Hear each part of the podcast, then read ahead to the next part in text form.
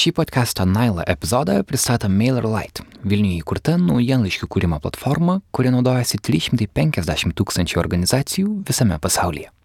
Prisijunkite prie jų per mailerlite.com. Mano manimu, Lietuva yra padarius tokį neįtikėtiną progresą, nerealų progresą. Čia yra vienas iš stebuklų, kad per tokį trumpą laiką mes tikrai esame dabar tarptų progresyvių vakarietiškų šalių. Aišku, dar yra labai labai daug kur tobulėti, bet progresas yra neįtikėtinas ir mes to nevertinam. Likščiau podkastą niekada nesame kalbinę žmogaus iš politinio pasaulio. Nors Milda Dargužaitė save su juo ir nesieja. Nežinau, ar tu pati save laikai politikę? Oi, tikrai ne. 2016 gruodį Milda Dargužaitė pradėjo eiti kanclerės pareigas dabartinėje Saulius Kvernelio vyriausybėje. Šį lapkritį, praėjus 11 mėnesių nuo darbo pradžios, ji paskelbė, kad pasitraukė. Tai bus pirmasis jos interviu po šio sprendimo.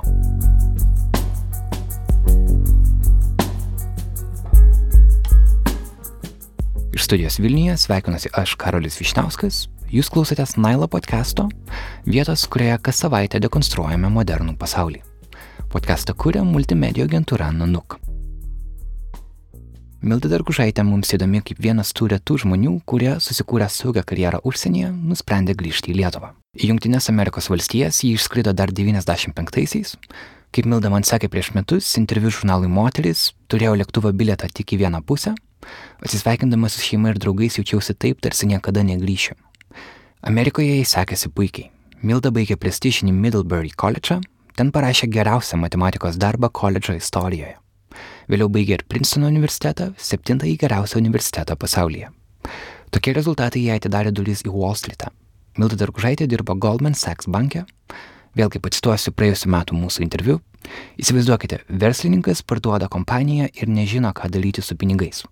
Štai turiu kelius šimtus milijonų dolerių, ką man su jais daryti, jis klausė. Mūsų darbas buvo padėti jam racionaliai investuoti. Ir vis dėlto po 17 metų užsienyje Milta Dargužaitė nusprendė grįžti į Lietuvą.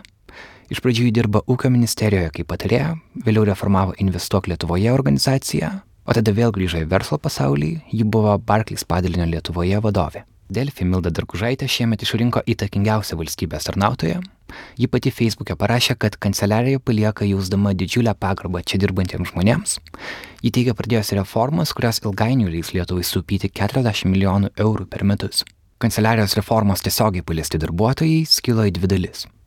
Kovą 70 iš 200 jų pasirašė peticiją dėl Mildos Dargužaitės darbo įvertinimo, o antradienį, gruodžio 13-ąją, kai mūsų interviu jau buvo įrašytas, pasirodė straipsnis Lietuvo žiniuose. Jame rašoma, kad po reformos atleistas kanceliarijos darbuotojas kreipėsi į teismą. Jis teigia, kad buvo atleistas neteisėtai. Dėl tos pačios priežasties į teismą kreipėsi ir dar viena buvusi kanceliarijos darbuotoja. Milda Darkužaitė Facebook'e atsakė, kad kanceliarijoje pertvarka buvo būtina, nes anot jos ten egzistavo struktūra, pagal kurią dalis darbuotojų tiesiog dupliavo kitų darbuotojų funkcijas. Žmonės nebuvo atleidinėjami, bet kaip prašė jį, atvirkščiai visiems buvo tikima pagalba ieškotis naujų pozicijų. Šio epizodo tikslas nėra išsiaiškinti, kas yra teisūs, ar Milda Dargužaitė, ar atleisti darbuotojai, taip pat leis teismas. Mums yra įdomios globalios temos. Mums įdomu, kaip veikia Lietuvos viešasis sektorius, Ar reikia, kad jame dirbtų daugiau žmonių iš verslo pasaulio? O taip pat, ar verslo sėkmė lemia visų Lietuvos gyventojų sėkmę? O gal tik mažos dalies? Galų gale, ką rodo pačios Mildos istorija? Ar ji įkvėpia sugrįžti kitus lietuvius į Lietuvą? Apie visą tai šiandien su ją ir diskutuosime. Ir dar paskutinė trumpa informacija prieš pradedant. Praėjusį mėnesį, kol dar neplanavome šio interviu, Milda Dargužaitė prisijungė prie Nanuk Patreon kampanijos. Už tai esame dėkingi, kaip ir visiems mūsų rėmėjams, bet žinoma, tai niekaip nekeičia mūsų klausimų jai. Taigi, jūsų dėmesį, pirmasis Mildas Dargužaitės interviu jai pasitraukus iš darbo vyriausybėje. Ar gali paaiškinti, kodėl tu nusprendėjai pasitraukti? Pirma, reiktų atsakyti į klausimą, kodėl aš nusprendžiau eiti. Aha, kodėl? Ir apskritai, sus, būtent kodėl aš nusprendžiau grįžti į Lietuvą po daug metų, nes tai yra, manau, labai susiję klausimai. Kiek metų tu buvai Amerikoje? Užsienį aš iš, iš viso gyvenau 17 metų ir man teko gyventi, didžioji dalis buvo aišku Amerikoje, bet teko gyventi ir Kanadoje, Švedijoje, Mhm. mhm. Tai Prancūzijoje. tu išvykai iš Lietuvos, tu, tu Anglijoj. užaugai Kaune, bet išvykai iš Lietuvos, kai tau buvo... E, 18 metų Mhm. po mokyklos išvykau e, į Švediją, po Švedijos į Ameriką, po to teko universiteto laikais ir pagyventi pra, Prancūzijoje ir Kanadoje, vėliau ir Anglijoje. Pradėjau savo karjerą finansiniai srity, bankininkystėje New York'e. E, Pradirbau septynis metus e, vienoje kompanijoje ir kas yra labai įprasta e, Amerikoje ir tikriausiai užsienyje, tai kad kai tu gauni darbą, nėra tikslas išsėdėti ten visą gyvenimą, o iš tikrųjų nuolatos ieškoti galimybių, kur tu gali toliau save realizuoti, ką tu toliau gali daryti. Ir labai daug mano iš tikrųjų draugų tuo metu pasuko įvairiausiais keliais. Vieni iš finansininkų tapo architektė, kita mano draugė grįžo į, atgal į Nigeriją, į savo namus ir dirbo irgi finansiniam sektoriuje. Viena mano draugė iš tikrųjų tapo ekonomisto žurnaliste. Tai mhm. labai daug žmonių keičia savo karjeras ir, ir kvestionuoja, kai pasiekia tokį lygį, kad finansai ir, ir pozicija nėra svarbia, pati svarbiausia motivacija darbo. Ir kaip tik tuo metu, kadangi mano ryšys su Lietuva tikrai nebuvo niekada nutrūkęs, nors ir daug metų būni išvažiavęs užsienyje, tu visada jauti tą ryšį savo gimtiniai ir tai siejasi su tavo ir, ir, ir šeima, ir su tavo prisiminimais ir tikrai ta nostalgija visą laiką yra likusi. Tai man teko susitikti su tuometinės vyriausybės nariais New York'e ir e, iš tikrųjų užtruko kažkiek tai laiko, kad apsispręščiau, e, ar tikrai norėčiau tai pabandyti ir, ir pagalvojau, kad e, grįšiu kažką tai nuveikti, ne grįšiu visam laikui karjerą daryti, tuo labiau politinę karjerą, o daugiau kaip aš galėčiau prisidėti, ką aš galėčiau pakeisti, kaip galėčiau panaudoti tą, ką žinau Lietuvoje ir būtent dėl to nusprendžiau grįžti būtent į viešąjį sektorių. Tai į ūkio ministeriją, vėliau į Investuok Lietuvoje ir paskutinis, aišku, vyriausybės kanceliarijoje. Man asmeniškai grįžus į Lietuvą iš Amerikos po daug metų, tai atsirado toks labai labai glaudus ryšys su Lietuva. Ir padirbus investuok Lietuvoje ir kai pamačiau, kad iš tikrųjų, kad ir per trumpą laiką tu tikrai gali padaryti didžiulį poveikį ir didžiulį pokytį. Tas toksai noras ir entuzijazmas, jisai nenumiršta. Ir visą laiką galvoji, kokie dar būdai, ir tų būdų yra labai daug, kaip tu galėtum prisidėti, ar tu dirbdamas valstybiniam sektoriuje, ar nedirbdamas valstybinėme sektoriuje, labai daug būdų, kaip tu galėtum prisidėti prie savo šalies ir, ir kad čia nais situacija gerėtų. Tai kai man atėjo pasiūlymas iš šio, šio premjero prisijungti prie komandos, tai nebuvo toksai lengvas, leng, lengvas sprendimas, kad vėl grįžti į Lietuvą, vėl eiti į valstybinį sektorių, bet iš kitos pusės aš pagalvoju, jeigu ne dabar, tai kada ir kodėl ne. Ir ne kiekvieną dieną pasitaiko tokia galimybė, kai tave kviečia, kai tu turi planus, kad galėtum padaryti labai didelius pokyčius, labai didelės reformas Ir būtent dėl to ir sutikau, bet sutikau ne dėl to, kad reikia darbo, kad reikia pozicijos, kad reikia politinės karjeros, nes ne tai motivavo, motivavo tai būtent noras ir galimybė iš tikrųjų padaryti didžiulius pokyčius. O tas faktas, kad premjeras yra iš valstiečių ir žaliųjų partijos, kur yra tokia labai kontroversiška, sakyčiau, ir tarsi sunkiai su tavo patirtimi besisiejanti, ar ne? Nes uh, jeigu pažiūri dalį žmonių toje partijoje esančių, pavyzdžiui, tarkim, Ramūnas Karbauskis, kuris yra tarsi neoficialus partijos lyderis, turbūt jūs dėl, su juo dėl daugelio dalykų nesutiktumėte, dėl, pavyzdžiui, jo požiūrį tokią tautinę kultūrą, tiek, pavyzdžiui, į alkoholio reklamos draudimus ar apskritai alkoholio draudimus, tiek į dirbtinio apvaisinimo dalykus, prieš ką jis buvo labai stipriai prieš ir, pavyzdžiui, kita partijos narė Širinskinė irgi buvo labai aktyviai prieš. Atrodė, kad yra labai konservatyvi partija. Tu esi tokios vakarietiškos, amerikietiškos, galbūt demokratijos šalininkė ir atrodė, kad tau susijęti save su šia partija yra labai rizikinga. Kaip tu pati jautėsi, kodėl tu jais patikėjai? Na, tai buvo, sakyčiau, gana nauja, naujas darinys.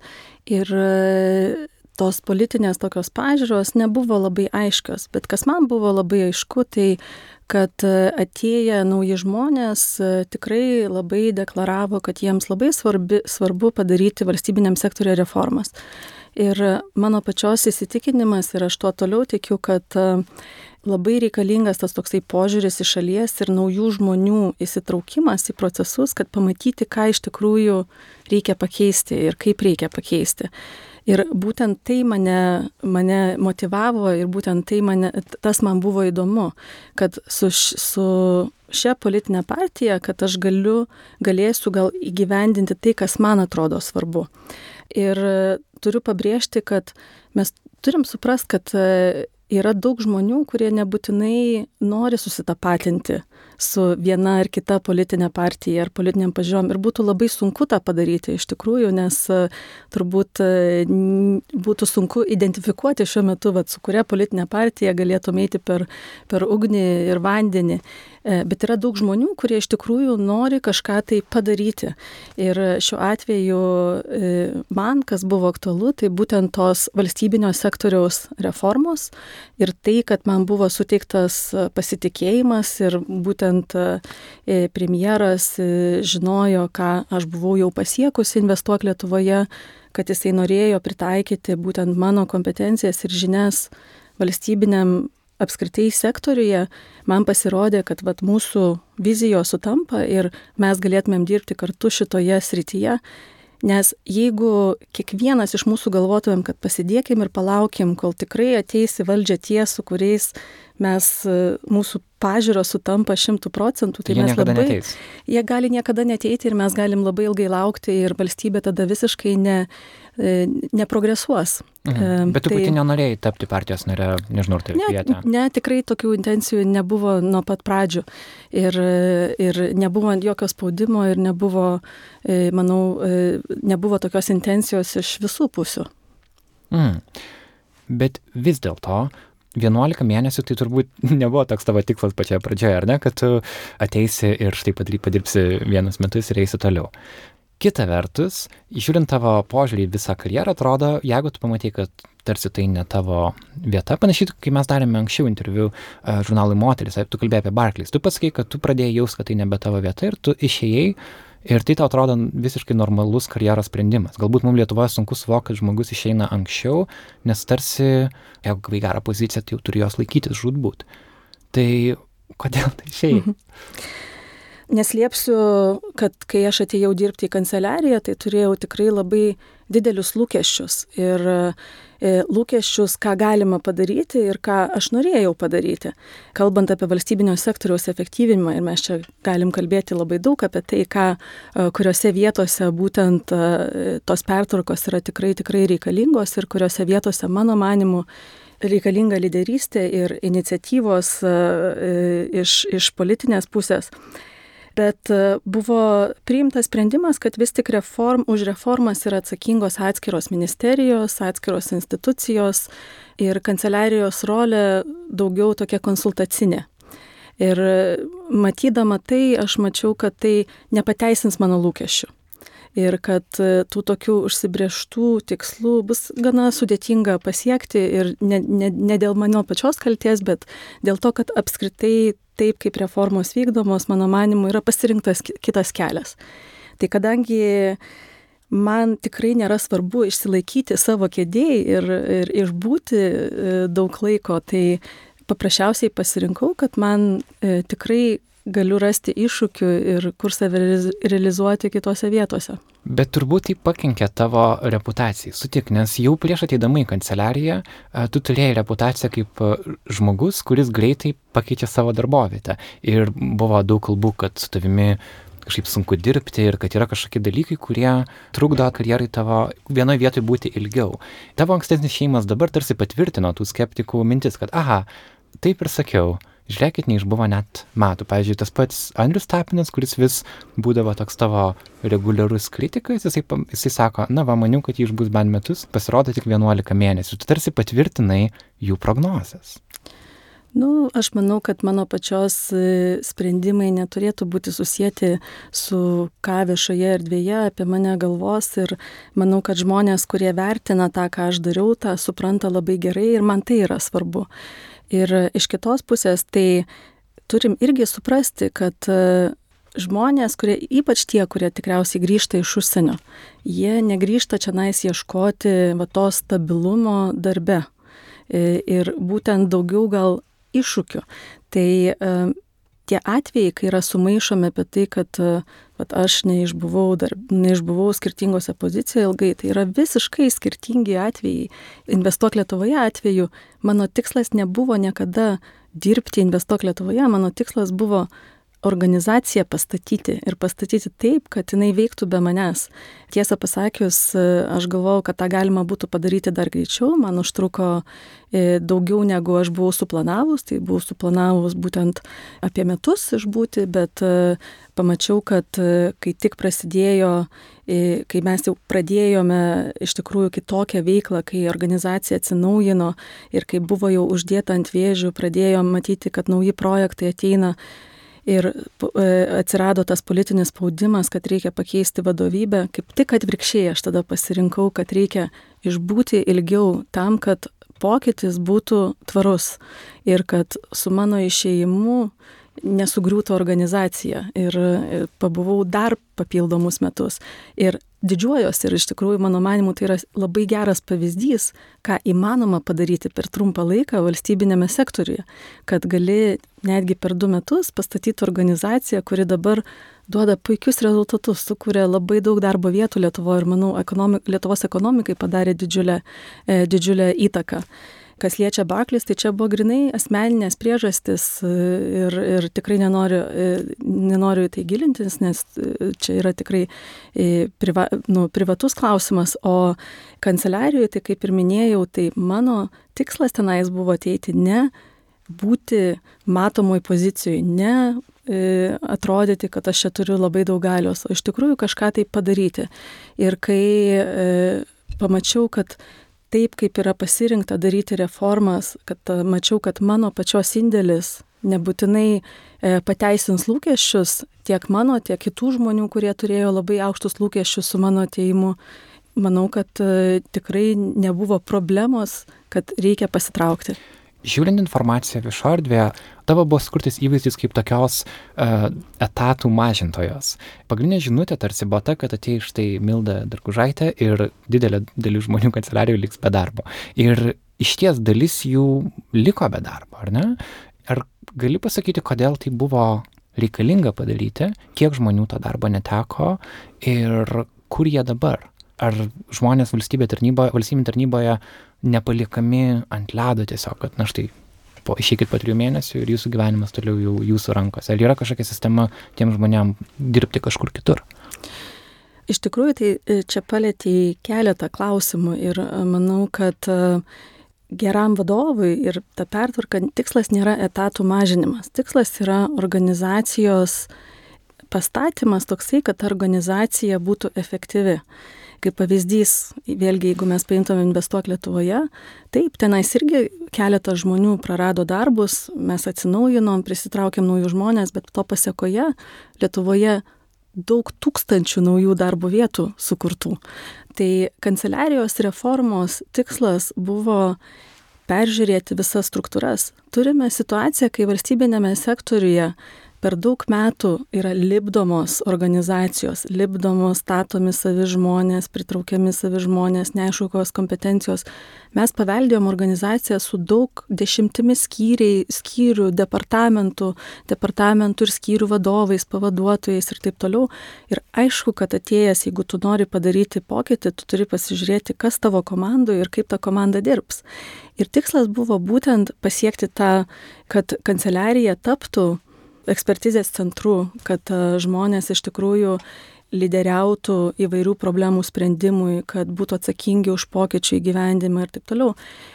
Aišku, kas atsitiko, tai e, viešoje erdvėje ir e, buvau pozicionuojama kaip būtent ta, kuri ateina su kirviu, ateina žmonių galvas kapoti ir taip toliau. Ir net nesusitikus su žmonėm, net neturėjus progos su jais dirbti, jau žmonės žinojo ir nuomonę kažkokią, turėjo nuomonę apie, apie mane. Tai sukūrė labai daug tokių emocijų ir apskritai reformos sukuria emocijų, bet dar su ta tokiu, e, su, su ta visa aplinka ir su tokiu fonu tų emocijų aišku, kad buvo labai daug ir e, tai pasunkino visiems labai tą darbą, tiek, e, tiek mums kaip vadovam, tiek, tiek patiems darbuotojams, tikrai, tikrai nereikalingo streso ir mano manimu ta reforma po to vyko daug sklandžiau, aišku, mes turbūt padarėme klaidą negalvodami, kad taip viešoje erdvėje tas gali nuskambėti ir, ir turėjom tikrai daugiau investuoti į tą vidinę komunikaciją, ką toliau ir padarėm. Bet kas liečia pačių darbuotojų praradimą darbo, tai vėlgi čia kitas klausimas, tai yra kokia yra valstybės rolė. Ar valstybė yra įdarbintoje žmonių, ar iš tikrųjų valstybinis sektorius teikia paslaugas, e, yra atsakingas už e, valstybės kūrimą, už valstybės palaikymą ir žmonės yra įdarbinami tam, kad tuos rezultatus įgyvendintų, kad tai, kad tai įgyvendintų. Bet aišku, kai vyksta reformos ir, ir kai kurie žmonės praranda darbą, tai turi tas būti daroma socialiai jautriai ir suprantant, kad kad tai gali kiekvieną individą įtakoti labai skirtingai. Bet ką yra svarbu, ką yra svarbu atsižvelgti, tai pirmiausiai, kad dabar, kai mes esame ekonomikos pakilime, kai tiek daug verslų ieško darbuotojų, kad tai yra geras metas tą daryti. Antras, suteikti galimybę tiem žmonėms susirasti darbus. Ir mes būtent kanceliarijoje tikrai labai fokusavomės į tai ir padėjom visiems, visiems individualiai ieškotis darbo, padėjom kai kuriems susirasti darbo, taip pat teikėme konsultacijas. Ką mes matėme, tai labai daug žmonių tuo pasinaudojo ir tikrai didžioji dauguma sėkmingai dirba toliau, tiek kitose valstybinėse institucijose, tiek ir privačiam sektoriui, buvo piktybiškų žmonių, kur ir, ir čia yra irgi valstybinio sektoriaus specifika, kad man šita kėdė priklauso, nesvarbu, kad e, mano darbas šiaip nėra reikalingas arba yra perteklinis arba dubliuojantis arba kaip valstybinėme sektoriuje kuria biurokratiją, nes mes turėjom labai didžiulį administracinį aparatą, tai kuo didesnis administracinis aparatas, tuo daugiau biurokratijos. Ir būtent tokie žmonės net nesinaudojo tuom, kad mes jiems siūlėme pagalbą. Ir mm. norėjom būtent, kad, jie, kad jiems būtų lengviau e, integruotis į darbo rinką. Tik kad būtų aišku klausytojams, kiek žmonių kanceliarijai buvo prieš, kai tu pradėjai darbą ir kiek jų yra dabar? Buvo 210 etatų. Dabar yra likę 179 etatai ir kadangi mes pakeitėm ir pačią struktūrą ir apskritai, ką kanceliarija turėtų daryti, tai e, netgi pačios funkcijos pasikeitė ir todėl dar netgi yra daug laisvų pozicijų, kurias ir toliau kanceliarija ieško žmonių, kad ateitų dirbti. Man įdomu, kaip tai veikia iš psichologinės pusės, nes vis dėlto, tarkim, 30 žmonių dabar neturi darbo, kurį anksčiau turėjo galbūt daug metų. Ir tu vis tiek turbūt jauti kažkokią atsakomybę už juos, ar ne? Na, žinai, kad tai buvo iš dalies tavo iniciatyva. Man įdomu, kaip, kaip, kaip, kaip tai paveikia, ar ne? Kaip tu save motivuoji tuos sprendimus daryti, nes būtų daug lengviau tiesiog viską palikti taip, kaip yra ir su visais draugiškai kažkaip būti ir toliau tiesiog dirbti. Tai tikrai būtų lengviau, ar ne? Mhm. Kaip tu tos tvarkiai grinai iš tokios žmogiškos pusės? Nes man atrodo, tarkim, pateiksiu pavyzdį iš mo mokyklų pertvarkos, su kuria pats nežinau, kaip iš tikrųjų reikėtų daryti. Nes atrodo, kad mažiau vaikų ir natūraliai tarsi turėtų mažėti mokytojų. Bet ką jiems po to daryti? Kur tie mokytojai turėtų eiti? Ir aš tikrai nenorėčiau būti to žmogus vietų, kuris pasakytų jiems, kad jūsų, jūsų darbas nebereikalingas. Mhm. Bet aš manau, čia vėlgi gal ir švietimo problema, bet ir mūsų gal kultūrinė problema, kad žmonės galvoja, kad va čia vienintelis dalykas, ką aš galėčiau daryti.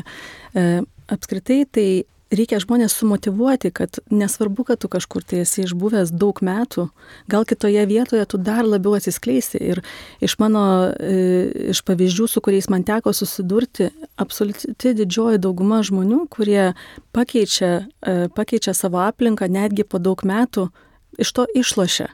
Ir gal gauna net geresnius darbus ir pamato, kad kitur dar gali būti geriau. Aišku, negali pasakyti, kad tai absoliučiai visais atvejais, bet jeigu tu jau pats savo įsikalbi, kad aš nieko daugiau negaliu daryti ir čia yra vienintelis dalykas, e, ką aš, ką aš moku ir daugiau nieko daugiau ir todėl man reikia įsikipti į savo kėdę, tai aišku, nėra, jeigu pas tai nėra tokios asmeninės motivacijos, e, nuolatos tobulėti, ieškoti kažko naujo, tai bus sunku tokiam žmogui netgi ir integruotis. Tai čia yra toksai dvigubas dalykas. Bet atsakant į tavo klausimą, tai be abejo tai yra sunku. Aš esu gavus tokį vieną patarimą ir e, iš vieno iš investuotojų, kuris lankėsi Lietuvoje, didelės kompanijos vienas iš vadovų. Jisai e, vieną tokį patarimą man davė, kad sako, geras lyderis organizacijos turi labai labai aiškiai turėti prioritetus. Pirmas prioritetas tai yra organizacija. Tu dirbi organizacijai. Kas yra organizacijai gerai, ką ta organizacija turi pasiekti. Antras prioritetas yra komanda. Tai kas yra komandai gerai. Ir trečias prioritetas yra kiekvienas individas. Jeigu tu pradėsi maišyti, tai organizacija tikrai nepasieks tokio tikslo, kokio tu norėtum užsibriežti. Ir reikia suprasti, kad mes negalim rūpintis kaip vadovas, nu, jeigu tu pradėsi rūpintis tik tai savo darbuotojų gerovę ir nieko kitu, tai organizacija ne, neprogresuos. Iš kitos pusės, vadovas irgi geras turi suprasti, kad organizacijos sėkmė priklauso tik nuo žmonių, sumotivuotų žmonių, tie, kurie nori dirbti, tie, kurie nėra, kad priversti dirbti, tie, kurie džiaugiasi eidami į darbą. Ir būtent uh, kai turi tokių darbuotojų komandą, tavo organizacijos sėkmė e, bus daug didesnė. Tai reikia rasti tą balansą. E, bet kai yra organizacijos, kurios yra užsisenėjusios, kur tikrai nepasiekia savo tikslų, reikia kažko tai imtis ir daryti. O grįžtant prie mokyklų, aš manau, čia tu iškeli irgi labai gerą klausimą ir mums kaip visuomeniai reikia paklausti, kas yra mums svarbiau. Švietimo kokybė Lietuvoje ar išlaikyti darbo vietas mokytojų regionuose. Švietimo kokybė, nuo kurios priklauso Lietuvos ateitis, būtent, kad e, mūsų vaikai gautų pačią geriausią, e, patį geriausią išsilavinimą, kokį galėtų gauti, ar kad būtų mokykla kiekviename kaime ir kiekviename kaime turėtumėm daug mokytojų ir taip toliau. Ir čia absoliučiai yra jautrumo klausimas, bet klausimas yra ir prioritetų. Ir manau, kad tikrai galima rasti tą balansą, bet tą balansą reikia ieškoti konsensuso būdu, o ne išsispyrus, kad tikrai negalime kažko tai daryti, nes tie žmonės praras darbus. Tie žmonės praras darbus, bet yra labai labai daug būdų ir dalykų, ką jie galėtų daryti po to.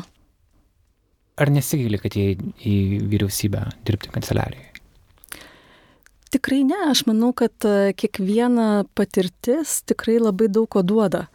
Ir e, šiuo atveju e, ne tik tai, kad man pačiai tai buvo labai didelis, didelė galimybė labai daug ko išmokti, pamatyti, kaip sistema veikia ir taip toliau, bet pavyko ir daug ką padaryti. Tai aišku, per metus manau, kad buvo įmanoma padaryti labai didelių dalykų. Ir kaip pavyzdys, daug metų yra kalbama apie tai, kad valstybinėme sektoriuje, kur yra šimtai skirtingų institucijų, atliekamos tos pačios funkcijos administracinės. Kai kurios, kai kurios organizacijos turi daugiau negu pusę žmonių, kur atlieka grinai jų palaikymo funkcijas. Ir e, daug metų kalbama, kad tas funkcijas reikia konsoliduoti. Būtent, kad būtų vienas centras, iš to centro ten buhalterinės apskaitos, personalo administravimo, turto administravimo funkcijos galėtų būti teikiamos centralizuotai visom institucijom, bet nepavyko niekam to net pradėti įgyvendinti. Tuo tarpu mes per šitos metus tikrai padėjome šitą ant vėžių, jau yra priimti sprendimai, centras jau pradės veikti kitais metais ir manau, kad tai yra didžiulis, didžiulis darbas padarytas. Iš kitos pusės pati kanceliarijos reforma tikrai nubrėžė labai daug tokių gairių ir motivacijų kitom institucijom. Ir man kas buvo labai malonu, kai uh, buvo paskelbta apie mano išėjimą, kad aš gavau, susilaukiau tikrai labai daug laiškų tiek iš kanceliarijos darbuotojų, tiek iš e, kitų institucijų, kur e, sakė, kad jūs mus įkvėpėt dirbti kitaip. Ir kad mes, nesvarbu, kad išeinat, bet mes vis tiek e, pamatėm, kad tikrai galima daryti kažką tai kitaip, mes to sieksim ir manau, čia yra gal dar toks antrinis poveikis vien tik tai kalbėjimo apie tai, kur, manau, labai labai reikalingas viešajame sektoriuje.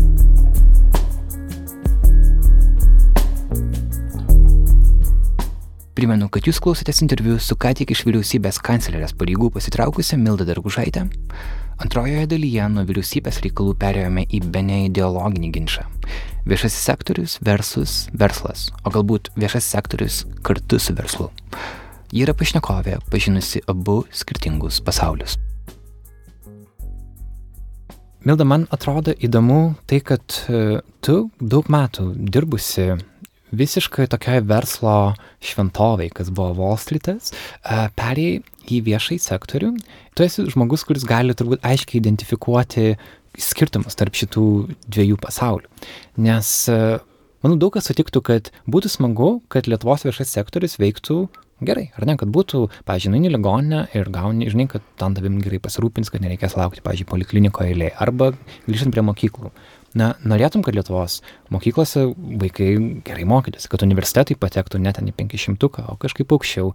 Ir visi šie dalykai yra viešojo sektoriaus atsakomybė. Bet e, vis dėlto kokia yra realybė viešojo sektoriaus Lietuvoje. Daug, daug kas iš mūsų ten tiesiog nėra buvę, nėra da, dirbę jokio vadinamo valdiško darbo. Tu prie to prisilietėjai dirbdama investuok Lietuvoje, nors tai irgi buvo toks verslo ir viešų, viešųjų dalykų toks sintezė tarsi. Nu, ten buvo viešas sektorius, ten tikrai. Bet vis tiek tu buvai labai arti verslo tai buvo truputį mhm. kitoks pasaulis negu, pavyzdžiui, kanceliarijos pasaulis, kuris jau yra mhm. tokia biurokratizuota įstaiga, nors ir labai aukšto rango. Kaip ten viskas veikia? Kitaip negu, pavyzdžiui, mes, kurdami kažkokius savo individualius projektus, tiesiog gal mums tai sunku suvokti. Tikrai yra didžiulis skirtumas e, darbo atmosferos ir kaip darbas vyksta e, viešajam sektoriui ir privačiam didelis klausimas yra, ar tas skirtumas turėtų egzistuoti. Ir aišku, pagal kažkokią tai specifiką, jeigu nu, mes kalbėtume apie tai, ką daro viešas sektorius, tai pavyzdžiui, teisėkūra, e, privatus sektorius to nedaro, tai specifika aišku yra kitokia. Bet kaip procesai organizuojami, kaip žmogiškiai ištekliai yra valdomi, kaip veikla efektyvinima, kaip kaštai turėtų būti mažinami, kaip skaidrumas turi būti pasiekiamas. Pavyzdžiui, kaip vykdomi viešieji pirkimai. E, lygiai taip, verslas lygiai taip pat suinteresuotas, kad jų darbuotojai pasirinktų pačius geriausius tiekėjus už pačią geriausią kainą. Tai verslas lygiai tos pačius procesus turi įgyvendinti, kad pasiektų savo rezultatus. Tai tos visos gerosios praktikos iš verslo absoliučiai turėtų ir galėtų būti pritaikomos valstybinėme sektoriuje. Kokia yra realybė šiandien, tai kad e, daugumoje atvejų tikrai mes labai esame atsilikę nuo gerųjų praktikų iš verslo praktikų. Ir aš nekalbu apskritai apie viską, kad valstybę padaryti verslu. Aš kalbu apie labai tokius skirtingus dalykus, kaip kažką tai pagerinti, būtent pritaikant gerasias praktikas iš e, privataus sektoriaus. Ir jeigu taip identifikuoti, kur man atrodė, kur aš mačiau pačią didžiausią problematiką, dėl ko apskritai sistemiškai valstybinis sektorius e, neveikia efektyviai ir ką būtų galima pakeisti, kad sistemiškai mes išspręstumėm tą problemą, tai manau didžiausia yra būtent tas žmogiškų išteklių valdymas. Mes turime labai uždarą sistemą, kuri yra hierarchinė sistema. Žmonės yra pripratę, kad jiem įsakymai nuleidžiami iš viršaus tie, kurie yra lyderiaujančiose pozicijose, nebūtinai ir ypač jeigu ateina iš politinio rango žmonės, tai yra nebūtinai aukščiausių kompetencijų toje srityje žmonės, bet be jų nurodymų, be jų pritarimo ne, nevyksta e, jokie sprendimai, nevyksta jokie procesai. Ir tuo pačiu žmonės yra pripratę nesijimti iniciatyvos. E, netgi tie, kurie tikrai labai daug žino, kurie labai daug supranta ir mato, ką reikėtų daryti, jie nėra motivuoti imtis tos iniciatyvos. Tai ta darbo kultūra, kuri yra sukurta per tą hierarchinę struktūrą, jinai iš tikrųjų tikrai yra labai sistemiškai e, neveikli. Ir tą tikrai galima keisti, ką būtent daro įmonės dėkdamos lyn, nes lyn tai yra nuolatinio tobulėjimo darbo kultūra, kur kiekvienas darbuotojas nuolatos identifikuoja, o ką aš galiu padaryti geriau, ką aš kaip individas galiu padaryti geriau. Tai ta darbo kultūros keitimas viešajam sektoriui, aš manau, yra toks vienas iš didžiausių, kur aš matau dalykų, kur mes galėtumėm sistemiškai padaryti, kad iš savęs sistema nuolatos tobulėtų, nepriklausomai nuo kas ateina į valdžią. Taip pat, manau, tie tokie žinybiniai interesai. Ir aišku, tas vyksta verslė lygiai taip pat. Jeigu turim didelės korporacijas ir pačiai, kadangi teko dirbti didelėse korporacijose, tai e, yra skirtingi departamentai, skirtingi interesai, kur, kur, kuriuos reikia vis nuolatos derinti. Valstybinėme sektorėje tai tikrai labai pasireiškia ir skirtingos ministerijos, skirtingos institucijos turi savo įtakos zonas, turi savo finansus ir jos savo egzistavimą mato tų įtakų zonų išlaikymę, o ne kas iš tikrųjų, kaip reiktų pasiekti kažkokią tai problemą, kad išspręsti apskritai visuomeniai. Ir tas tokių įtako zonų laikymasis ir nenoras galvoti kitaip, mano manimi, irgi yra tokia viena iš, iš, didelių, iš didelių viešo sektoriaus problemų. Mm. Ir turbūt, ką dar tikrai reiktų į, įvardinti, tai kai žmogus būna sistemoje labai ilgai, ir, ir ta valstybinio sektoriaus sistema, jinai yra uždara. Ir čia irgi vėlgi atskiras klausimas yra, kodėl jinai tokia yra uždara ir, ir kodėl nėra paskatų žmonėm iš išorės daugiau ateiti į tą sistemą. Bet kai tu esi uždaroj e, sistemoje, tu nebematai miško, tu tik matai medžius aplinkui save žmonės, kurie ateina iš išorės, jie gal mato mišką, bet jie gal nežino, kokie čia medžiai apsupa juos. Ir manau, kad tikrai, tikrai reikalinga daug didesnė tokia integracija ir, ir didesnė tokia cirkuliacija žmonių tarp valstybinio sektoriaus ir kitų sričių, kad tas valstybinis sektorius greičiau ir nuolatos galėtų tobulėti. O kaip tas žmonės priimti į valstybinį sektorių? Jūs e, pati sakei, kad kanceliarijoje atsirado po reformos laisvų darbo vietų, kurias užimti, norėjo, kad užimtų profesionalūs žmonės. Tu turbūt pati turi didelį ratą žmonių, kuriuos potencialiai matytum kaip galimus Taip. kandidatus. Kaip tu sekėsi juos pakviesti? Ar jie susigundė šią poziciją? Čia labai geras klausimas yra ir nėra prestižo dirbti valstybinėme sektorėje. Finansinė motivacija. Netgi, ypač... pavyzdžiui, vyriausybėje, kas atrodo yra valstybinio sektoriaus tokia, viešojo sektoriaus tokia viršūnė beveik? Nu, jeigu mes kalbėtumėm apie galimybę pristraukti žmonių su patirtim, kurie dirba privačiam sektoriuje, kurie kažkokias panašias problemas jau yra sprendę ir, ir, ir, ir turi patirties e, versle, prestižas ateiti dirbti valstybinę instituciją, kur nuolatos e, yra kalbama tik apie tos blogus pavyzdžius. Nu, dažniausiai kalbama apie blogus pavyzdžius, kokie jie vagis, prieina prie lovio, tinginiai, geria kavą, e, kiekvieną tavo paslydimą ir net nepaslydimą menamą ar tikrąjį viešoje erdvėje galima išpūsti, didž... nu, išpučiama dažniausiai e, dideli burbulai, iš to labai smagu daryti skandalus. Žmogui, kuriam svarbu reputacija, ir kuris galbūt galvoja apie savo ateitį, ką aš po to veiksiu, tai nėra patraukli pozicija. Tikrai atsiranda žmonių, kurie tą ignoruoja visą ir jiem ta motivacija, kad aš galiu čia ateiti ir kažką tai tikrai, tikrai padaryti ir prisidėti prie valstybės kūrimo, yra tokių žmonių atsiranda, bet jų yra vienetai o mums reikia daug daugiau negu vienetų. Tai suprantu, kad tai nėra vieno atlyginimo klausimas, nes tikrai, ir atlyginimas yra mažesnis negu gautum versle daugeliu atveju, ar ne? Daugeliu atveju e, taip, ypač vadovaujančiose pozicijose tikrai atlyginimai yra ženkliai ženkliai kitokie ir kartais skiriasi net keliais kartais. Tai atlyginimai dažniausiai mažesni, prestižas e, tikrai mažesnis, galimybė susikadinti reputaciją be savo kalties didžiulė, viešumas, kur ne, tikrai daugumai žmonių nėra patrauklus dalykas. Tai, tai kodėl ten eiti? Aš manau, kad e, šiuo metu mes turim išspręsti šitą problemą. Mes negalim sakyti, kad vat, eikim visi, dirbti, visi ateis dirbti ir valstybinį sektorių. Taip nėra. Mes turime kompleksiškai spręsti tą problemą žmogiškų išteklių pritraukimo į valstybinį sektorių.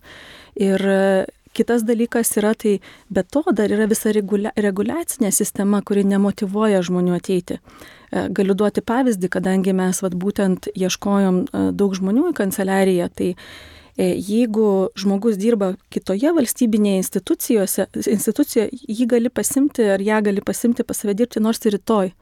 Nereikia organizuoti tų visų oficialių konkursų, ir, ir, kurie užtrunka mėnesiais. Gali, bet jeigu aš kito institucijai randu žmogų, patrauk galiu pasimti pas save nors ir rytoj. Tuo tarpu, jeigu aš žinau ir esu dirbus ir gavus daug rekomendacijų, kad yra žmogus privačiam sektoriuje, kuris labai kvalifikuotas ir galėtų ateiti dirbti šitą darbą, visas tas procesas man užtruks kelis mėnesius. Aš turiu organizuoti konkursą, įsitikinti, kad tikrai, tikrai, tikrai tas žmogus, kurį aš žinau ir kuris yra rekomenduotas, tikrai, tikrai yra geriausias iš visų kitų. Tai nesukuria motivacijos žmonėms iš išorės ateiti ir nesukuria motivacijos vadovams ieškoti žmonių iš išorės. Taip pat atlyginimai mes turime už stažą. Atlyginimas didėja ir priedas didėja už tai, kad žmogus kuo ilgiau dirba, tuo jisai gauna desnį stažą. Ne už rezultatus, o už stažą. Tai jeigu aš Dėl turiu... ir nori ilgiau būti pozicijose. Nori ilgiau būti pozicijose, o jeigu aš dirbau privačiam sektoriuje, tai mano stažas nebesiskaitys. Aš ateisiu į valstybės tarnybą ir... Pradėsi e, nuo nulio. E, Nuo nulio ne, ten priklausys nuo tavo kategorijos, kokią tu ateisi, bet tos pačios kategorijos žmogus, vien tas, kad jo patirtis yra iš valstybės tarnybos, automatiškai gaus netgi iki keliasdešimt procentų didesnį atlyginimą. Ir tai būtent vien tik iš reguliacinės pusės kūrė sistemą, kuri nori būti uždara, o neskatina būtent ateiti žmonių iš išorės. Ir kitas dalykas, manau, kad labai daugam iš privataus sektoriaus, tiek kiek man teko susidurti, ir ypač kai aš susiduriu su profesionalais, kurie gyvena užsienyje, jie galvotų ateiti, bet tikrai ne karjerai daryti. Jie galvotų ateiti gal metams, gal dviems. Tai bet ta tokia vieša erdvė, kur yra iš tavęs po to padaromas, kad va čia niekur negali išbūti ir taip toliau, tai irgi nepadeda pritraukti žmonių, kurie galėtų nors ir trumpam ateiti ir kažką tai padaryti. Aš vis dėlto matau čia tam tikrą riziką, jeigu mes galvosime, kad verslas viską daro geriau ir kad mums reikia daugiau verslo žmonių valstybinėse, valstybinė sektorė, kad jie ateitų ir viskas tvarkytų. Vis dėlto pavyzdys iš Amerikos dabar yra, kurį visi turim džiaugsmą stebėti. Politikos analitikė uh, Ann Anne Applebaum, Applebaum. ji tai yra uh, tokį labai, mano manim, taiklų tweetą parašiusi, pacituosiu jį angliškai. After this is all over, I never ever want to hear again about how businessmen would run the government better than politicians. Čia yra citata apie Donaldą Trumpą, kuris yra kuris atėjo kaip uh, žmogus, kuris pasakys, kad štai aš buvau puikus verslininkas, aš turiu daugybę milijonų uždirbęs per savo karjerą, duokit man valdžią, aš padarysiu, kad Amerikos vyriausybė veiktų taip kaip verslas. Bet dabar matom viso to rezultatus. Ar nėra taip, kad vis dėlto, jeigu mes iš karto prezimuom, kad verslas viską daro geriau, tada visą tą tokią konkurencinę logiką perkeliam į viešai sektorių, bet čia ne visada tai veikia, ar ne? Pavyzdžiui, mums universitetuose reikia kažkokių nišinių specialybių, kurios neišsilaikytų laisvos rinkos sąlygom. Reikia galbūt žmonių, kurie atrodo daro kažkokius dalykus, kurie na, rinkai jų tarsi nereikia. Bet tam ir yra viešas sektorius, kad, jie, kad tie dalykai apskritai egzistuotų pasaulyje, ar ne? Nu, aš manau, kad čia mes neturėtume maišyti labai daug dalykų. Vėlgi, verslas siekia pelno.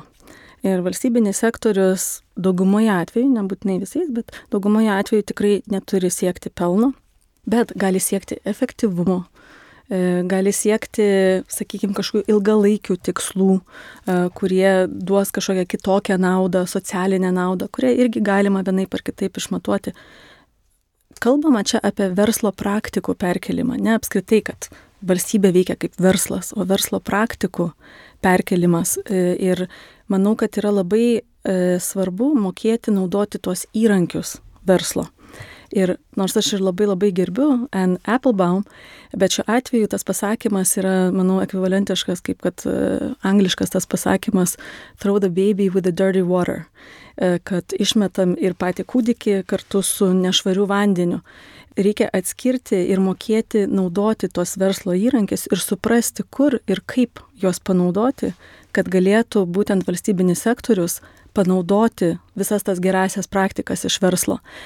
Aišku, mes turime pavyzdį Trumpo, bet mes turim daug pavyzdžių kitų.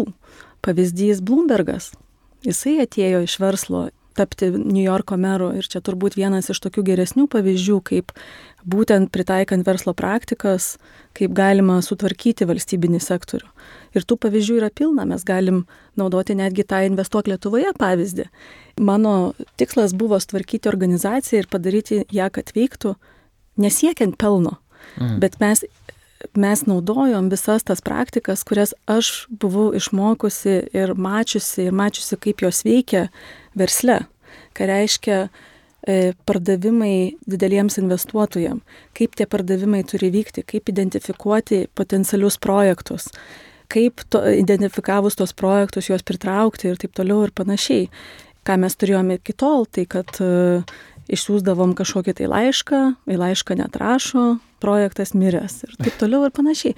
Tai čia klausimas yra įrankių, verslo įrankių, kuriuos, kuriais atvejais tu gali naudoti. Koks apskritai tavo požiūris yra į valstybės ir verslo santykiai? Ar tu galėtum priešti savo ideologiją?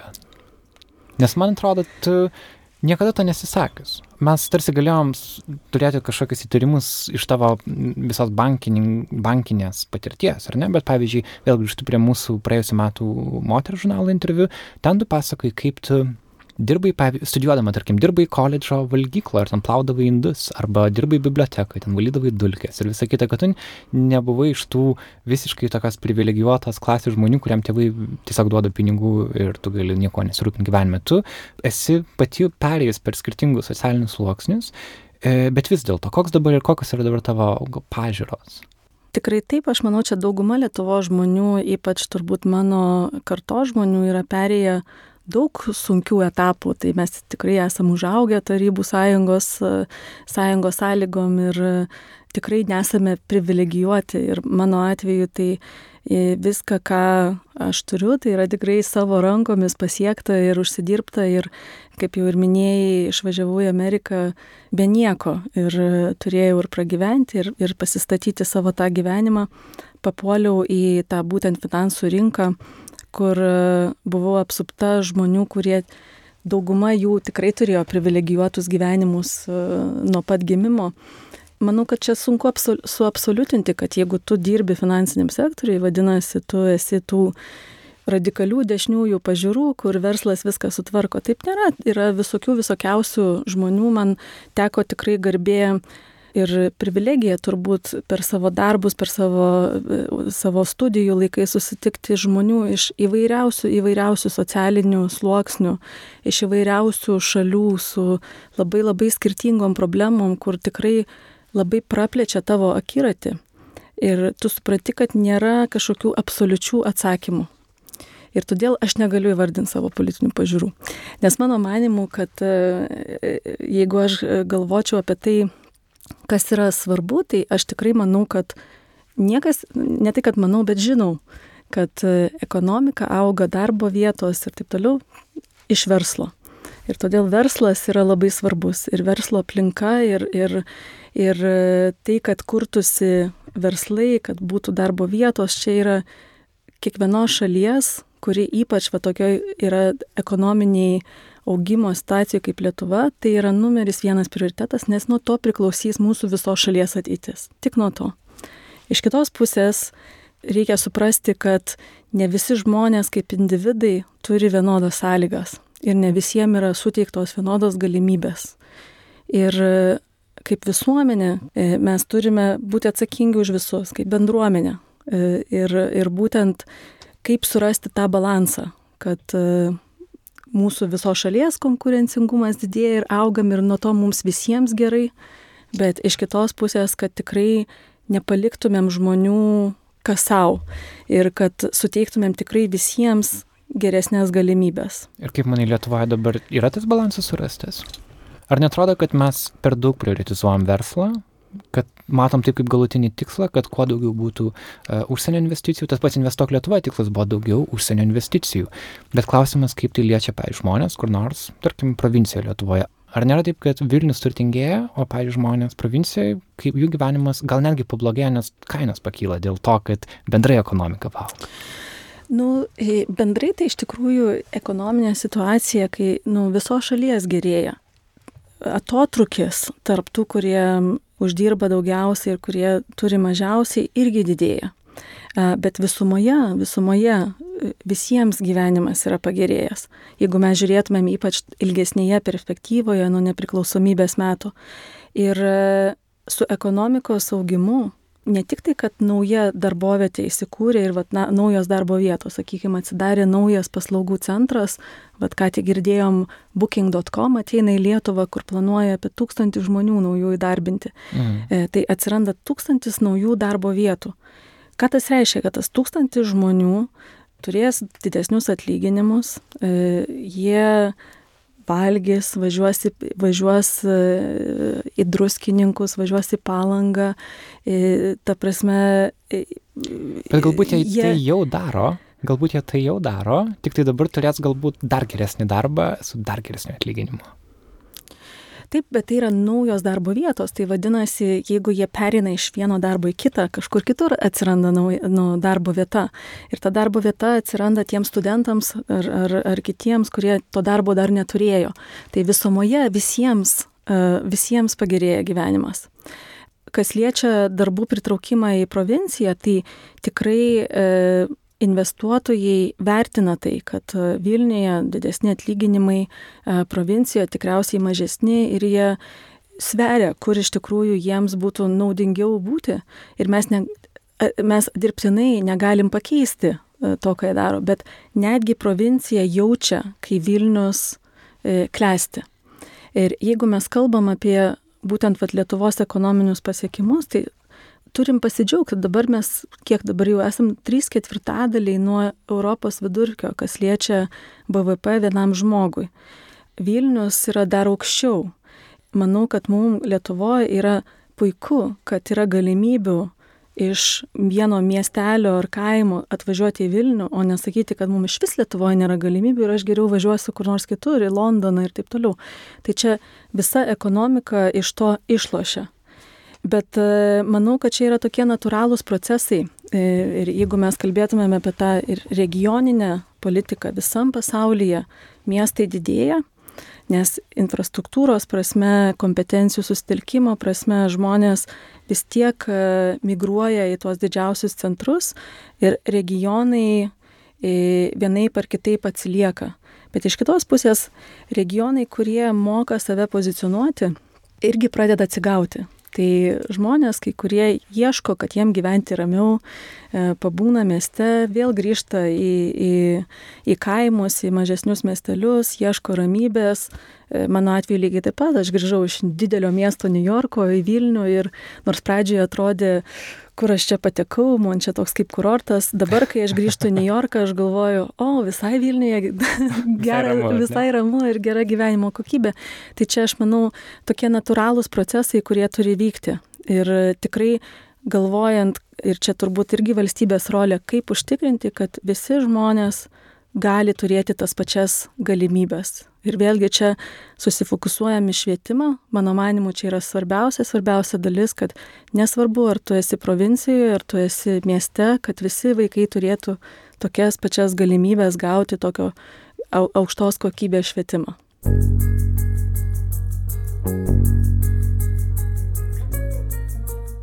Primenu, kad šį Nailą epizodą pristato MailerLite, Vilniuje įkurta naujienlaiškių kūrimo platforma, kuria naudojasi 350 tūkstančių organizacijų visame pasaulyje. Prisijunkite prie jų adresu mailerlite.com.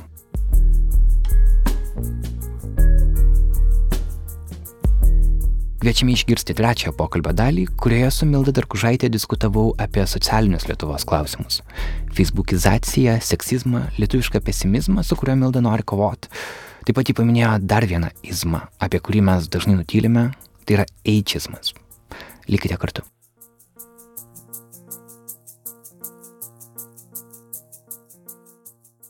Facebook'e tu turi 13 tūkstančių sekėjų bet jie iš tavęs dabar gauna daug mažiau naujienų, negu gaudavo, pavyzdžiui, prieš e, metus.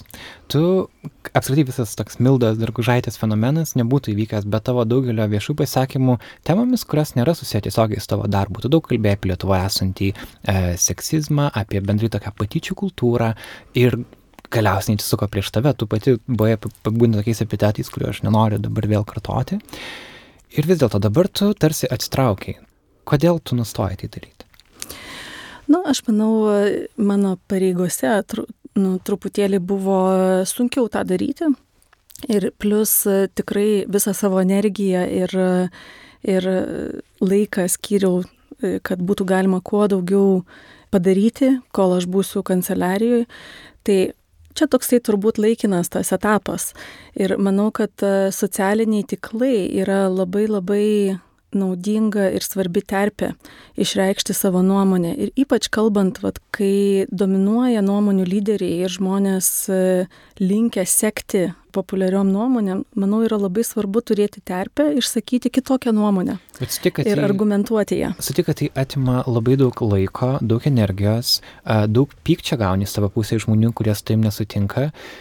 Ar apskritai verta tai daryti. Gal geriau tiesiog leisti žmonėm manyti, ką jie mano ir dirbti savo darbus ramiai. Ar mes visi išlašėm nuo to, kad tiek daug laiko praleidžiam Facebook'e ir tiek energijos, už kurią mums niekas galiausiai paskui nebesumoka? Na, nu, aš manau, kad čia tikrai priklauso nuo to, ką tu nori pasiekti.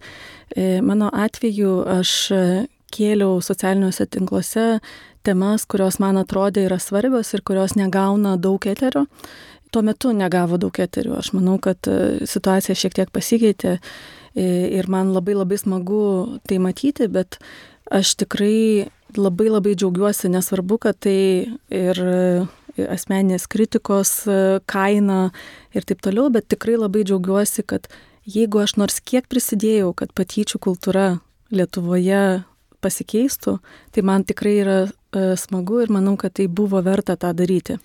Tai patyčias matai kaip vieną esminių problemų Lietuvoje. Oi, tikrai taip. E, turiu pasakyti, gal, gal šiek tiek pagerėjo situacija nuo to, kaip aš atsimenu, kokia jinai buvo prieš šešis metus, kai aš tik grįžau į Lietuvą. Galbūt manau, tada niekas apie tai nekalbėjo tiesiog. Galbūt mums tai atrodė normalu. Tikriausiai taip, nes man atrodė labai labai keista, ant kiek yra visuotinai priimtina viešoje erdvėje tyčiotis vienas iš kito ir aišku tai e, duoda pavyzdį ir vaikams ir visiems kitiems, kad tai yra normali bendravimo kultūra, kad nereikia šnekėtis, nereikia dialogo, nereikia argumentuoti, galima paprasčiausiai išsityčioti, e, pasmerkti, nurašyti, padaryti pajokos objektų ir taip toliau.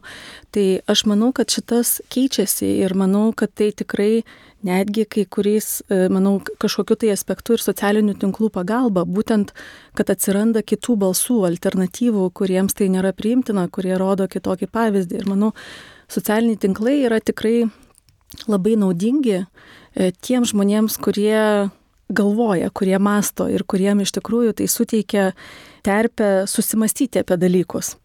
E, bet aišku, tai gali turėti ir kitą poveikį, kai pasidaro būtent ta tokia daugiau ieškojimas populiarumo, labai greitas pasmerkimas, labai greitas nuomonės sudarimas, nepasigilinus į problemas.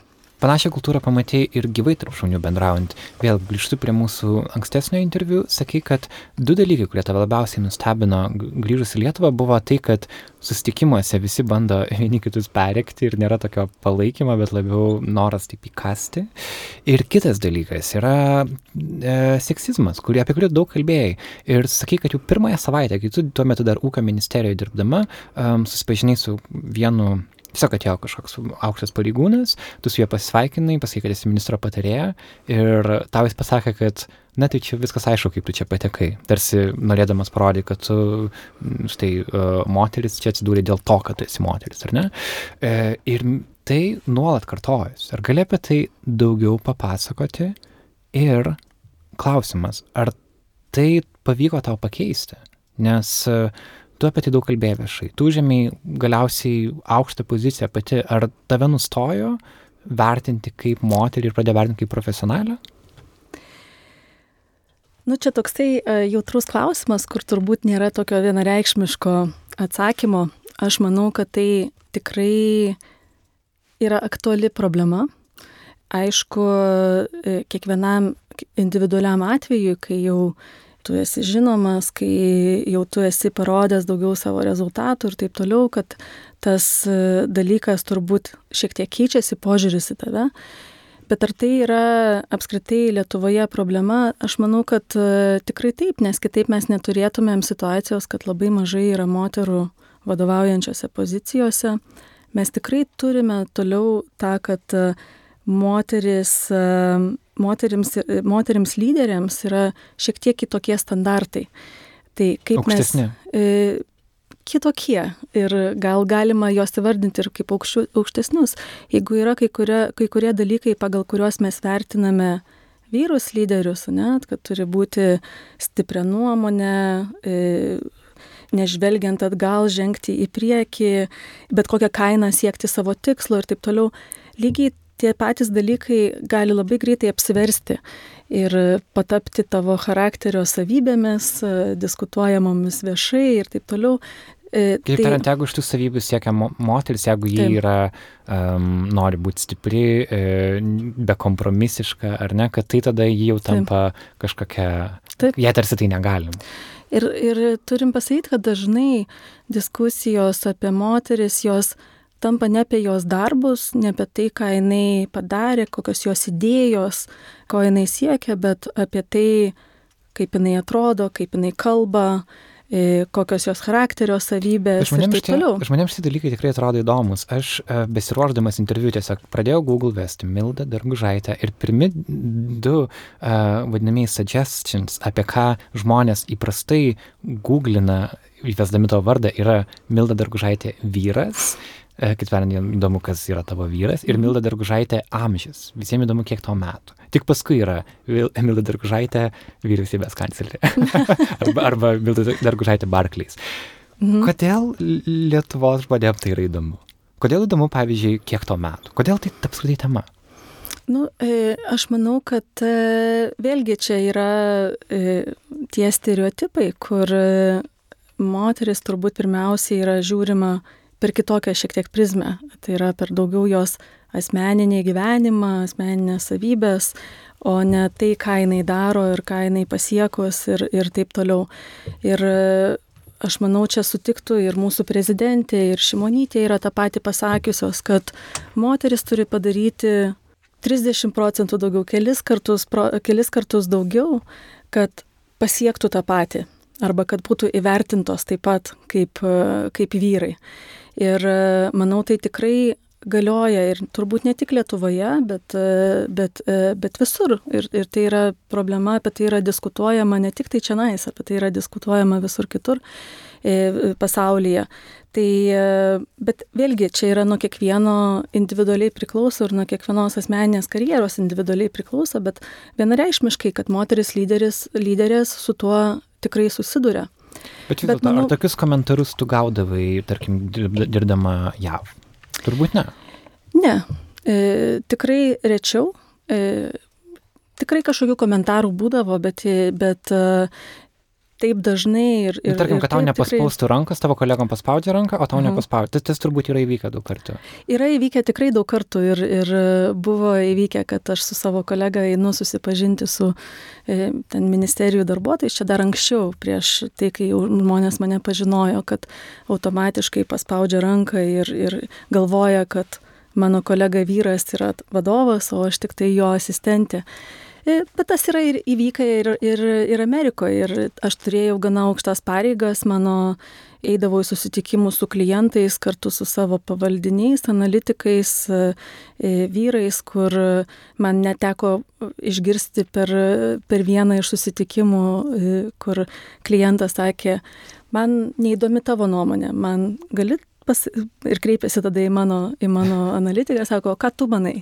Ir jisai tada labai pasimetė ir sakė, čia yra mano vadovė, jinai yra labai gera, aš ją pasitikiu ir tą, ką jinai sako, aš tikrai nieko geresnio nesugalvosiu. Tai e, šiuo atveju aš atsimenu, e, kadangi mano darbas buvo toksai labai susijęs su skaičiais ir matematika, tai aš pagalvoju, aha, man reikia vadinasi daugiau žargono matematinio įmesti, kad, e, kad tas klientas suprastų, kad aš tikrai suprantu, apie ką kalbu. Tai tokių situacijų buvo, bet be abejo Lietuvoje jų, jų vis, tik, vis tik dar yra labai daug. Bet tai nėra, tai tavęs nestabdo. Ir ypač, kai tu esi susidūrus su tuo, tu tą matai, tu tą identifikuoji ir paprasčiausiai tą galima ignoruoti. E, turbūt didesnis klausimas yra, moteriams, kurios tik tai pradeda daryti karjerą ir su tuo susiduria ir kad tai gali priimti asmeniškai ir, ir kad tai gali stabdyti jos, jas siekti kažko tai didesnio. Tai manau yra svarbu apie tai kalbėti ir, ir, tuos, ir tuos klausimus kelt.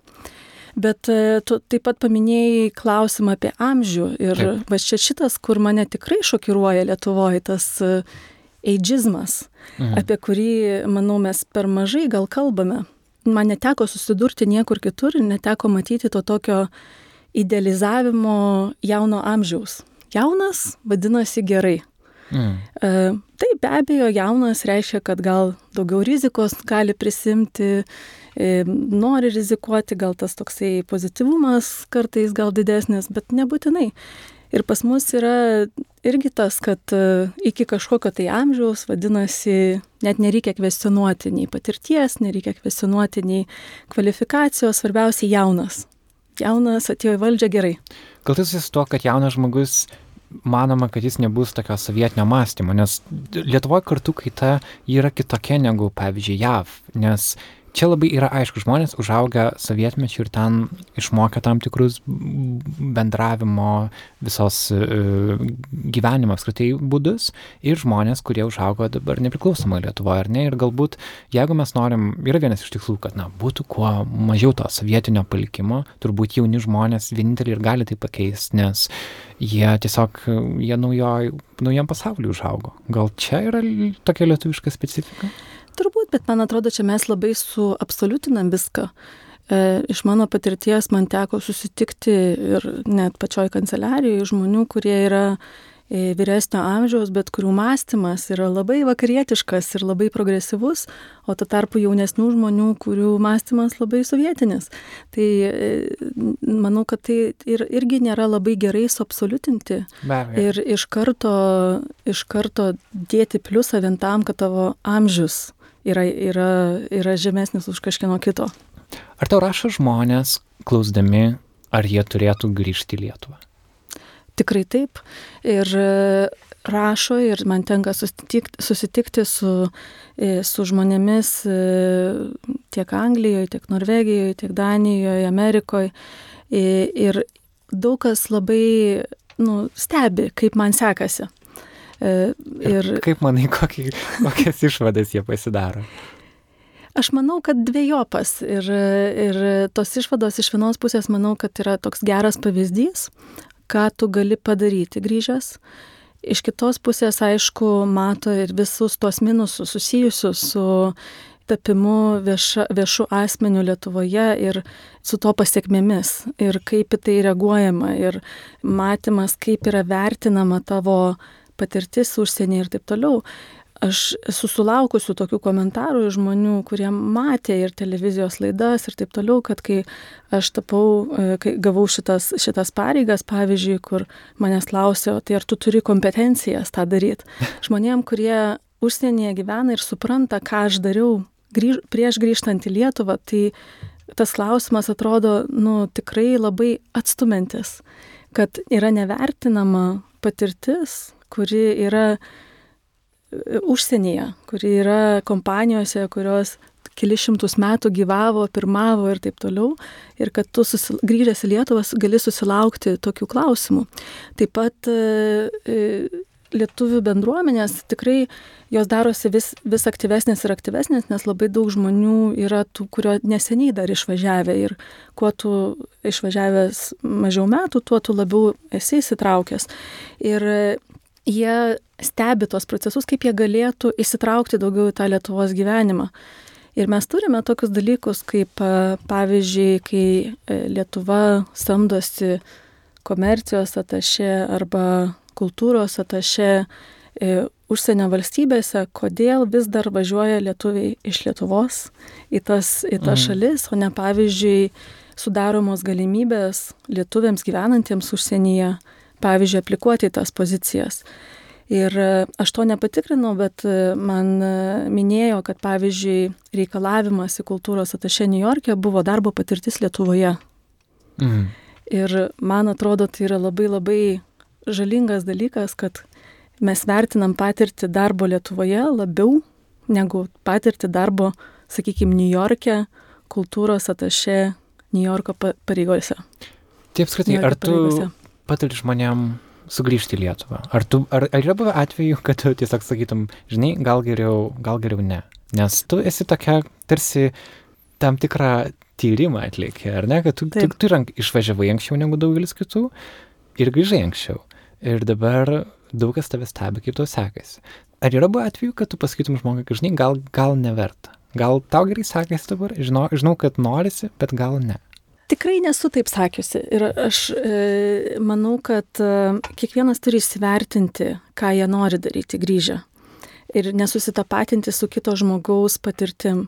Tai, ką patyriau aš, tai nereiškia, kad patirs kiti ir kaip tik gali pasimokyti iš mano gal ir klaidų ar iš to, ką aš dariau, kaip jie darytų kažką kitaip. Aš asmeniškai manau, kad jeigu mes norim, kad Lietuvoje gerėtų padėtis, mes tikrai tikrai turime kuo daugiau prisitraukti žmonių iš užsienio, kurie atneštų savo matymą, savo patirtį, ką jau jie matė, kaip kiti daro ir kad mes galėtumėm integruoti tą kuo daugiau. Tai aš manau, kad tai yra būtina padaryti. Būtent dėl to ir kur Lietuvai, čia buvo toksai mano projektas, kurį padariau, kur man irgi labai smagu matyti, kad jisai toliau sėkmingai gyvoja, kiekvienais metais po 20 žmonių grįžta iš užsienio E, būtent dirbti Lietuvos valstybiniam sektoriui viena, vieniems metams. Ir vieni metai buvo todėl, kad aš galvau, kad nepatrauklu grįžti ilgesniam laikui. Tai aš tikrai esu viena iš tų ambasadorių, kurie ska, skatina lietuvius grįžti į Lietuvą. Bet iš kitos pusės aš sakau, kad jie grįžtų su atvirom akim, suprasdami, kas jų laukia, būti tam pasiruošę ir suprasti, ko jie grįžta ir kad tai nėra grįžimas daryti savo politinės karjeros, jeigu jie nori tą daryti, kad politinė karjera ir taip toliau, jie turi būti tam pasiruošę, bet jeigu jie nori atvažiuoti, padaryti kažkokį pokytį, jie turi būti irgi pasiruošę ir visiems tokiam neigiamiam aspektam, kurie gali iškilti. Kitais metais Lietuvai yra šimtas metų, kaip valstybei bus daug renginių, bus daug uh, visko, turbūt bus įdomu. Bet manau, kad tai yra gera proga mums kažkaip pabandyti įsivertinti, kur apskritai Lietuvos visuomenė šiuo metu yra. Tu esi žmogus apkeliavęs daug pasaulio. Gyvenai Amerikoje, gyvenai Kanadoje, taip pat e, Švedijoje, Prancūzijoje, taip pat Anglijoje. daug, aha, daug keliavusi po um, Azijos šalis ir, ir, ir, ir kitur. Kaip manai, Lietuva štai ši nedidelė valstybė um, prie Baltijos jūros, Ar tai yra sėkmės istorija, ar, ar dabar mes esam kažkokiam tokiam identiteto paieškose dar kažkur? Yra daug, daug, daug klausimų, kas apskritai yra Lietuva, kokia jos ateitis, ar šis šalis nuolat mažėja, ar, ar tai netaps tokia, tiesiog lietuviai netaps tokia diasporos tauta, kaip tau atrodo? Mano manimu, Lietuva yra padarius tokį neįtikėtiną progresą, nerealų progresą. Aš, kadangi išvažiavau iš Lietuvos 18 e, metų, tai buvo e, ten 93-4 berods metais, tai e, kai grįžau į Lietuvą, matyti tą kontrastą. Ir manau, kad vat, tiem, kurie gyvena Lietuvoje ir, ir, ir jie turbūt pamiršta, nuo ko mes pradėjom. Tai tas kontrastas nuo to, kaip buvo ir kaip yra dabar, yra neįtikėtinas.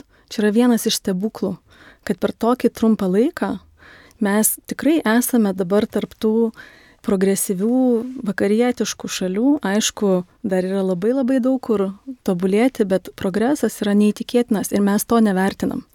Ir mums toliau atrodo, kad pas mus yra blogiausia už kitus. Yra neįtikėtina, kai pamatai apklausas ir kai kuriuos indeksus, kur e, rodo, kad lietuviai e, galvoja, kad jų gyvenimo kokybė yra viena iš blogiausių pasaulyje.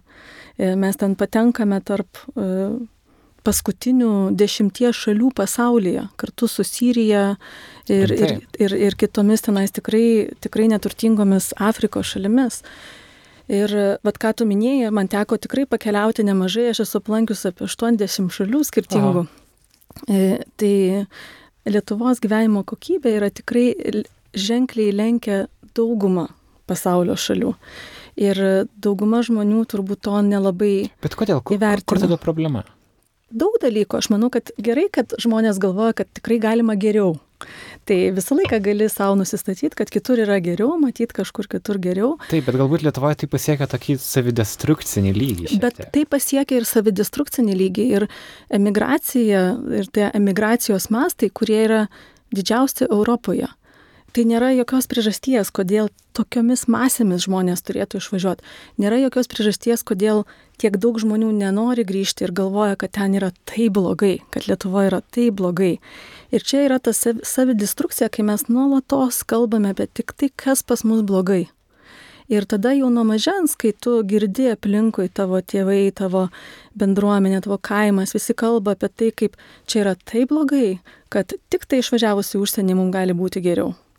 Ir tada tu net neplanuoji savo ateities Lietuvoje, tu tada iš karto galvoji, kaip tau išvažiuoti, tada kai tu išvažiuoji, irgi neplanuoji, kad aš čia pabūsiu kažkiek laiko ir tada grįšiu atgal.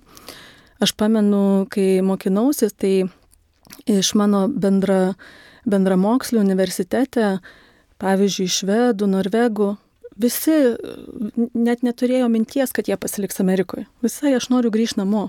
Tuo tarpu visi rytų europiečiai sakė, ne, ne, ne, aš tai niekada daugiau negryšiu iš ten, kur atvažiavau, ten yra taip blogai. Kai iš tikrųjų tu turi galimybę grįžti ir prisidėti ir kažką daryti ir tavo gyvenimo kokybė gali būti daug geresnė negu, negu užsienyje. Tai aš manau, mes truputėlį savo šaunamės į, į kulną, nuolatos kalbėdami ir nuolatos e, būtent rodinami tik tai tos blogus dalykus ir nesufu, ne, nesusifokusuodami, kad iš tikrųjų čia nėra, tikrai, nėra taip blogai. Ar pati planuoji čia likti? Nu, aš manau, kad e, pagyvenus e, keliose vietose pasaulyje yra labai sunku savo pasakyti, kad va čia tai jau yra mano pasku, paskutinė stotelė ir, ir niekad neišvažiuosiu. Tai manau, kad tikrai priklauso nuo ir galimybių, ir, ir ką toliau nuspręsiu veikti, bet e, manau, kad e, pasaulis dabar darosi toksai, toksai mažas, kad labai sunku e, ir pasilikti, ir išvažiuoti. Tai manau, kad ką aš veiksiu toliau, tai tikrai, nors vieną koją, tai tikrai būsiu Lietuvoje. Ačiū Milda labai, kad atėjai pas mus. Ačiū, ačiū tau labai už įdomų pokalbį.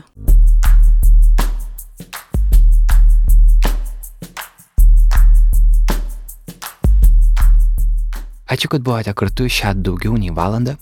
Podcastai tuo skiriasi nuo radio laidų, kad čia nesame priboti laiko limitų. Džiaugiamės, kad su Milda Darkužaitė galėjome diskutuoti ilgiau ir tikimės, kad jums tai buvo įdomu ir prasminga. Parašykit, ką manote į naila.nanuk.lt, labai lauksime jūsų laiškų, arba tiesiog į nanuk Facebooką. Taip pat kviečiu jūs prisidėti prie Nailo kūrimo adresu patreon.com, pasvirasis brūkšnys nanuk multimedia, kaip vienas žodis. Šiuo metu prie podkasto kūrimo prisideda 58 žmonės, jų indėlis kas mėnesį mums atneša 330 JAV dolerių. Jūsų prisidėjimas nors ir porą dolerių mums reiškia labai daug, bet to kiekvienam prisidėjusiam turime dovanų. Tai dar kartą patreon.com pasvirasis brūkšnys Nanuk multimedia. Podkasto muzikos kompozitorius yra Martinas Gailius iš Soda Sounds, o šio epizodo fotografė yra Berta Tilmantaitė.